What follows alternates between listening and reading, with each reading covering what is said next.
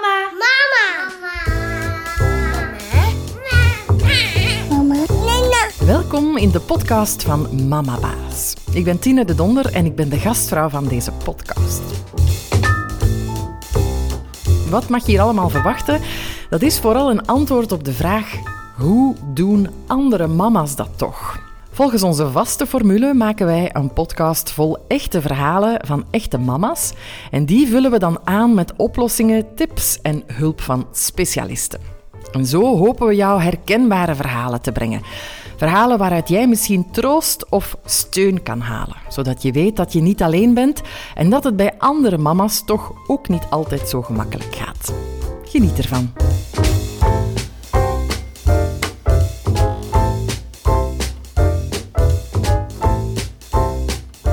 Deze podcast ga ik in gesprek met Marlies Koers, een Nederlandse vroedvrouw die een boek geschreven heeft over haar leven als verloskundige met de titel Sorry dat ik je wakker bel. Dag Marlies. Hi, goedemorgen. Word jij zo vaak wakker gebeld dan? Heel vaak. Ja, verloskundigen zijn vaak s'nachts aan het werk. En bevallingen beginnen ook heel vaak s'nachts. Dus klopt. Ja. En vind je dat erg? Nee, vind ik geen enkel probleem. Mijn werk is zo ontzettend leuk om te doen dat ik uh, blij ben als ik weer naar een nieuw gezin toe mag en als er een babytje op komst is. Ja, vind je het zo fijn om te doen? Ik vind het ontzettend fijn om te doen, al jaren. En ik kan me ook niet voorstellen dat ik wat anders zou doen. En waarom, wat is er zo fijn aan?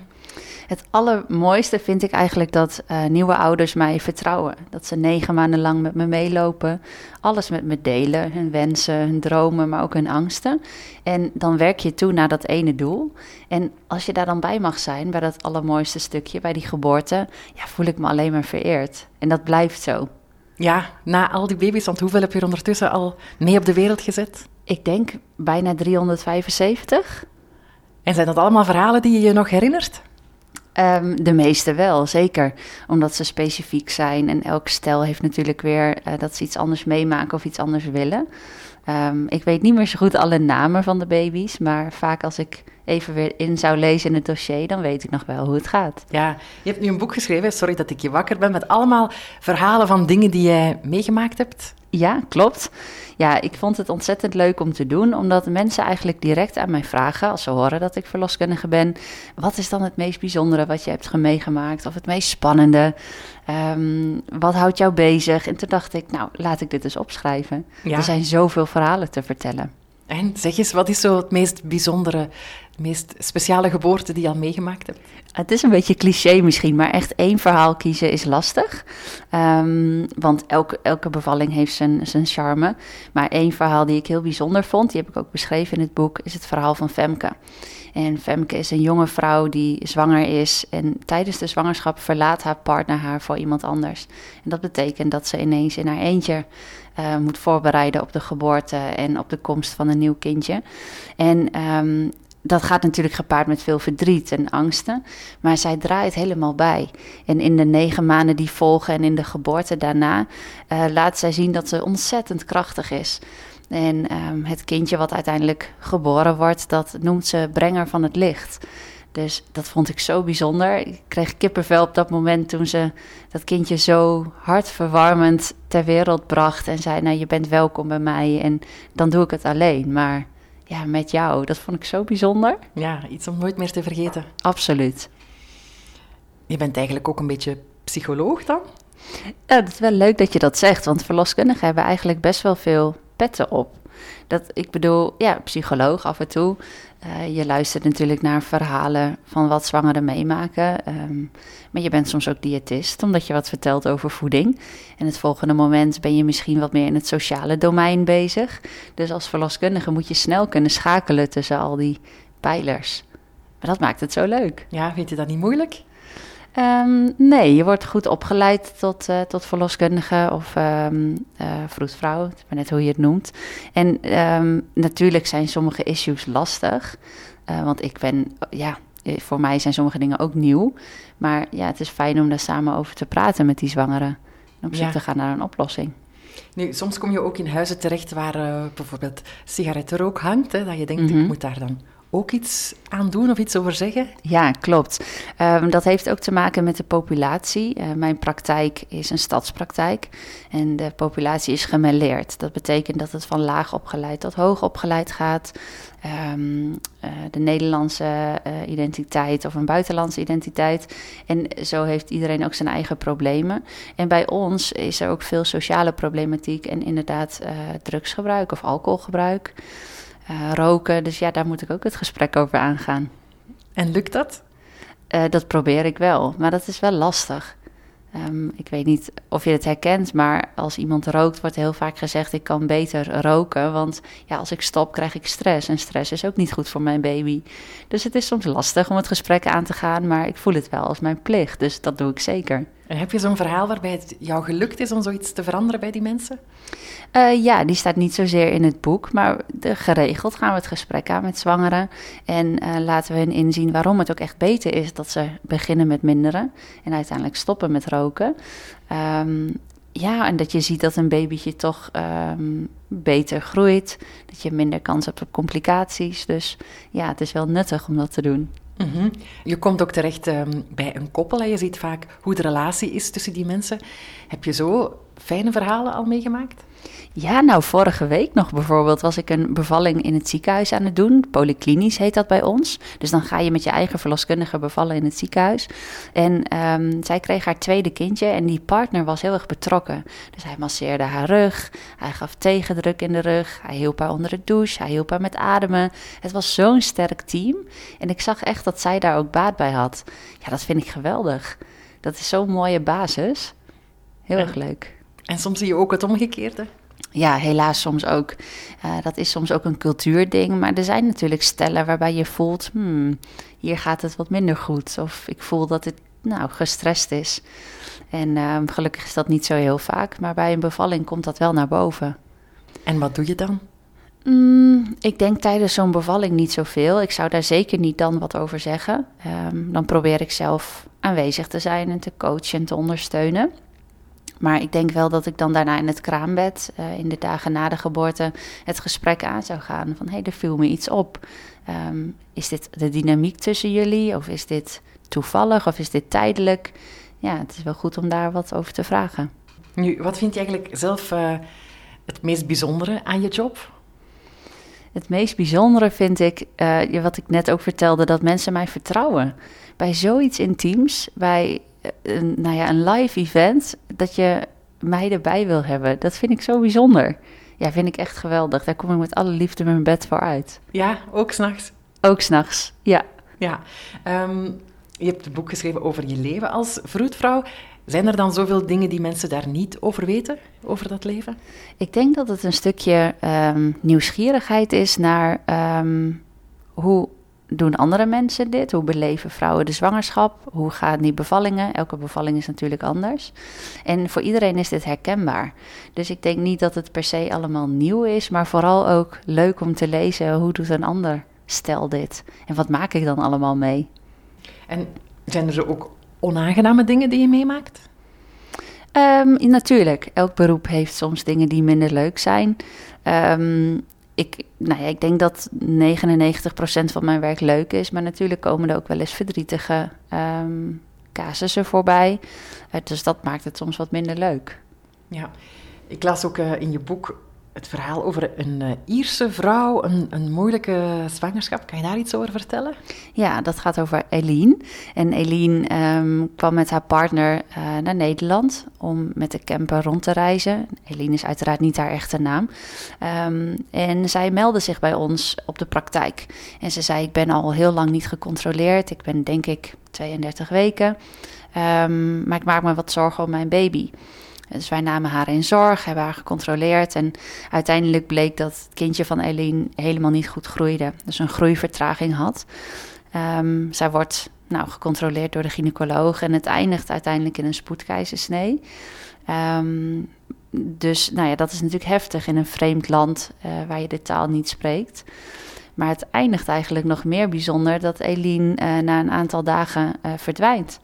Dus ze laat ons, maar ook het ziekenhuis en de afdeling neonatologie achter met een gigantische rekening. Dus ik weet niet hoe het af is gelopen met Eline. Ja, maar zo'n dingen kom je dus ook tegen. Ja, en dan moet je dus ook snel schakelen. Mhm. Nu, het is een uh, recent boek, hè, dus het gaat ook over corona.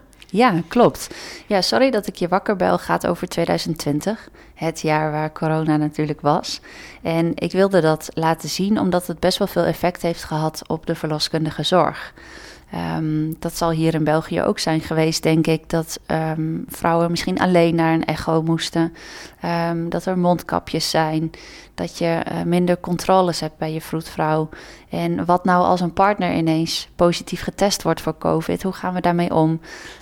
dat wilde ik vangen in dit boek, om te laten zien dat het voor iedereen heftig was. Ja, en hoe anders was het dan om te bevallen in coronatijden? Ja, ik denk heel anders. In Nederland mocht gelukkig de partner er altijd bij zijn, maar uh, onze zorg werd heel erg afgeschaald. Dus wij mochten heel veel niet meer live doen, maar het moest telefonisch worden. En tussen 17 en 27 weken mocht je niet meer naar de praktijk als zwangere. Dus dan werd je niet gecontroleerd. Ja, dat is natuurlijk super heftig.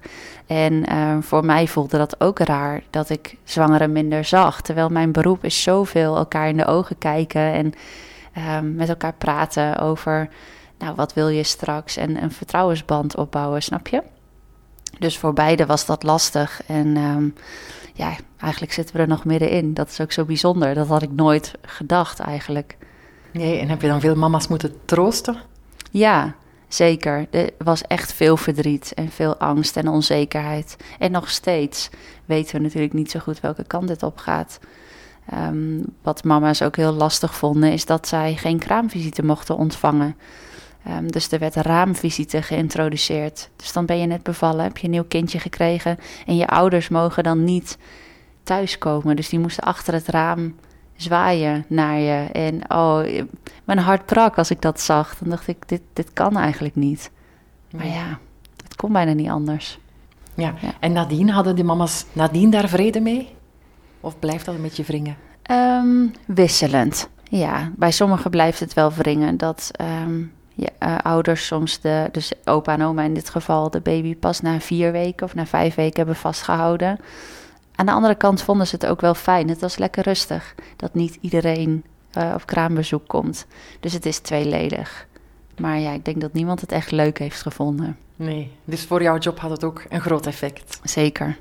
Denk je dat er door corona minder mensen beroep gedaan hebben op een vroedvrouw? Nee, dat is dus zo bijzonder. Er is een gigantische babyboom in Nederland sinds corona. We hebben 8% meer geboortes. Dus dat is best wel veel. Wij hebben het ontzettend druk gehad. Maar ik weet eigenlijk niet hoe dat in België is. weet jij dat? ja, ook? ja. Wauw, had ik nooit verwacht. Jij wel? Nee, nee, nee. Ik vond dat echt bijzonder, omdat ik dacht... Nou, we, er komt een crisis aan. Mogelijk raken mensen hun baan kwijt. Niet de ideale situatie misschien voor gezinsuitbreiding. Nou, in onze telefoon stond rood gloeiend. Iedereen werd zwanger.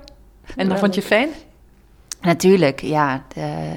ja, nee, vind ik fijn. Ja, en hebben jullie echt ook corona meegemaakt bij de mensen thuis? Of ben je daarvan gespaard gebleven? Nee, hebben we wel meegemaakt. Ja, een aantal cliënten die corona hebben gekregen, zowel partner als, uh, als de zwangere. En welk effect had dat? Of wat heb je daaraan gemerkt? Um, dat is eigenlijk heel wisselend geweest. Dus we hebben best wel veel zwangeren positief getest gehad, maar die waren ziek, zoals een griep. Uh, niet lekker voelen, koorts krijgen. En een heel aantal werden wel echt ernstiger ziek. Uh, maar gelukkig niet hele nare verhalen met een nare afloop. Mm -hmm. En moest je daar ook uh, psycholoog, de rol van de psycholoog vervullen? Um, ja, en mensen geruststellen en ze uh, vooral ondersteunen van dit komt goed, we gaan dit samen doen.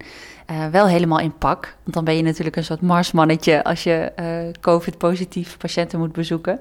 Dus een groot masker op en um, grote bril en handschoenen en zo'n pak. Dus uh, ik vond dat best wel zielig voor mijn zwangere. En dan dacht ik, oh, dan kom ik daar weer aan in mijn gewaad.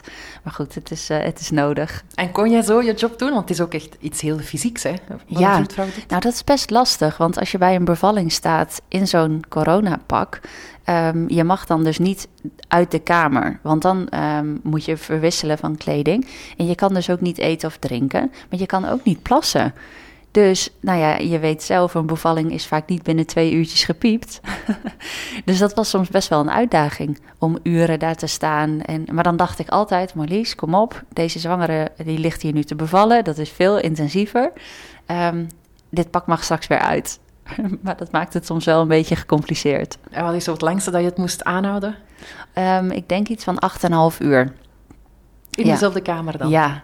Oh, ik was heel, mijn rug was nat van het zweet. Maar ja, daarna bleek dat zij allebei toch niet eh, COVID-positief waren. Ze hadden heel veel klachten, maar de testuitslag was er nog niet. En toen, net toen de baby geboren was, hoorden we... eh, het is niet nodig. Oh.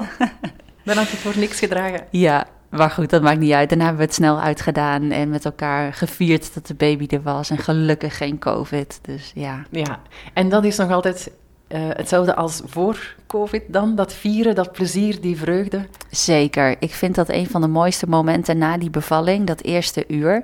Eh, ik noem dat ook altijd het gouden uur. eh, om die baby lekker bij papa of mama op de borst te hebben. En dat we met elkaar even een kopje koffie drinken. En in Nederland eten we dan beschuit met muisjes. Ehm, om even met elkaar stil te staan van wauw, het is weer gelukt, het is goed gegaan. Voel ik me altijd heel dankbaar. Ik ben altijd blij dat het weer goed is gegaan. Dus zeker. Mhm. Nu, als dat dan midden in de nacht gebeurt, ga je dan terug naar huis en kan je dan gewoon verder gaan slapen? Ja, ik ben echt gezegend met een goede slaap. Dus ik eh, rond alles af bij die bevalling. En vaak een uurtje of twee, drie later ga ik naar huis. En als mijn telefoon rustig blijft, dan eh, kruip ik weer bij eh Martal, mijn vriend, in bed. En dan slaap ik verder. Oké. Marlies, eh, zo dadelijk praten we verder, maar eerst wil ik even tijd maken voor de boodschap van onze sponsor. Ben je zwanger? Vergeet jouw startbedrag ter waarde van 1167 euro niet aan te vragen bij Parentia, uitbetaler van het groeipakket. Zij zorgen voor de stipte uitbetaling van je startbedrag en groeipakket en ondersteunen ook elke ouder bij de gezinsadministratie, zodat jij als moeder of vader je kan focussen op wat echt telt. Voor meer info ga naar www.parentia.be. Marlies, ik wil graag eh, nog veel meer horen over jouw leven als vroedvrouw, want er staan zoveel mooie verhalen in jouw boek. Ik denk maar aan dat verhaal van Deborah, een vrouw die op bevallen stond en dan haar man die daarbij stond in dat nette pak. Vertel nog eens. Ja, Deborah, dat is toch echt een leuk verhaal. Deborah was zwanger van haar eerste kindje. En ehm, we hebben nou uitgelegd dat eh, bevalling van een eerste kindje vaak gemiddeld lang duurt, 12 tot 24 uur. Alleen eh, bij Deborah ging het wat sneller dan verwacht. En ik ben een aantal keer bij haar thuis geweest terwijl haar weeën waren begonnen. En toen bleek het nog niet echt de bevalling te zijn. Dus ik ging weer weg. En net terwijl ik in de rij stond bij de supermarkt, belde Jesse, haar partner, weer dat het echt heel erg hard leek te gaan. Dus ik ging weer terug en Jesse in zijn nette pak inderdaad, want die zou eigenlijk aan het werk gaan, deed de deur open. En ehm, eh, de bevalling van Deborah ging onverwacht heel snel. En ze was nog niet in haar slaapkamer. Dus je moet je voorstellen, ik met mijn tassen op mijn rug, rennend die trap op naar boven. En het geluid kwam uit de badkamer. En Deborah lag op de grond, op de tegelvloer, maar ze kon het niet meer tegenhouden. Het babytje kwam er al aan en, en Jesse zat met zijn mouwen opgestroopt eh, tussen haar benen en hij, ja, hij moedigde zijn vrouw aan. En toen is dat kindje dus binnen een aantal minuten geboren en hij pakte het aan. En zijn hele witte overhemd was nat van het vruchtwater, maar hij, ja, hij deed het gewoon. Het was ook zo'n leuke ervaring. Niet helemaal hoe we het misschien normaal doen op de badkamervloer, maar ach, we schakelen snel. Ja, en je was op dat moment in de winkel, dus je was eigenlijk niet aan het werken? Jawel, ik had een oproepbare dienst. Dus ik ben gewoon ehm, in en om de stad bezig ehm, en oproepbaar voor bevallingen. Dus ik was daar al wel geweest en ik wist dat ze aan het bevallen was. Maar het was nog niet ver genoeg. Dus ik had hun advies gegeven van ga zo door en tips om te ontspannen. En dan kom ik later weer terug. Maar toen belde Jesse dus eerder van je moet nu komen, want ik denk dat de baby eraan komt. Nou, ik heb nog nooit zo hard gereden. Is dat niet heel stresserend? Om te weten van, er is iemand aan het bevallen en die heeft mijn hulp nodig? Nee, valt eigenlijk wel mee. Ik vind het vooral leuk. Ja, nee, maar het maakt me niet stresserig. Nee, zelfs al loopt het uiteindelijk anders dan gepland, want zo staat er ook een mooi verhaal in je boek, hè? Klopt. Nee, zelfs als het anders loopt dan verwacht, Ehm, je doelt denk ik op het verhaal van Stefanie en Reinoud. Ja.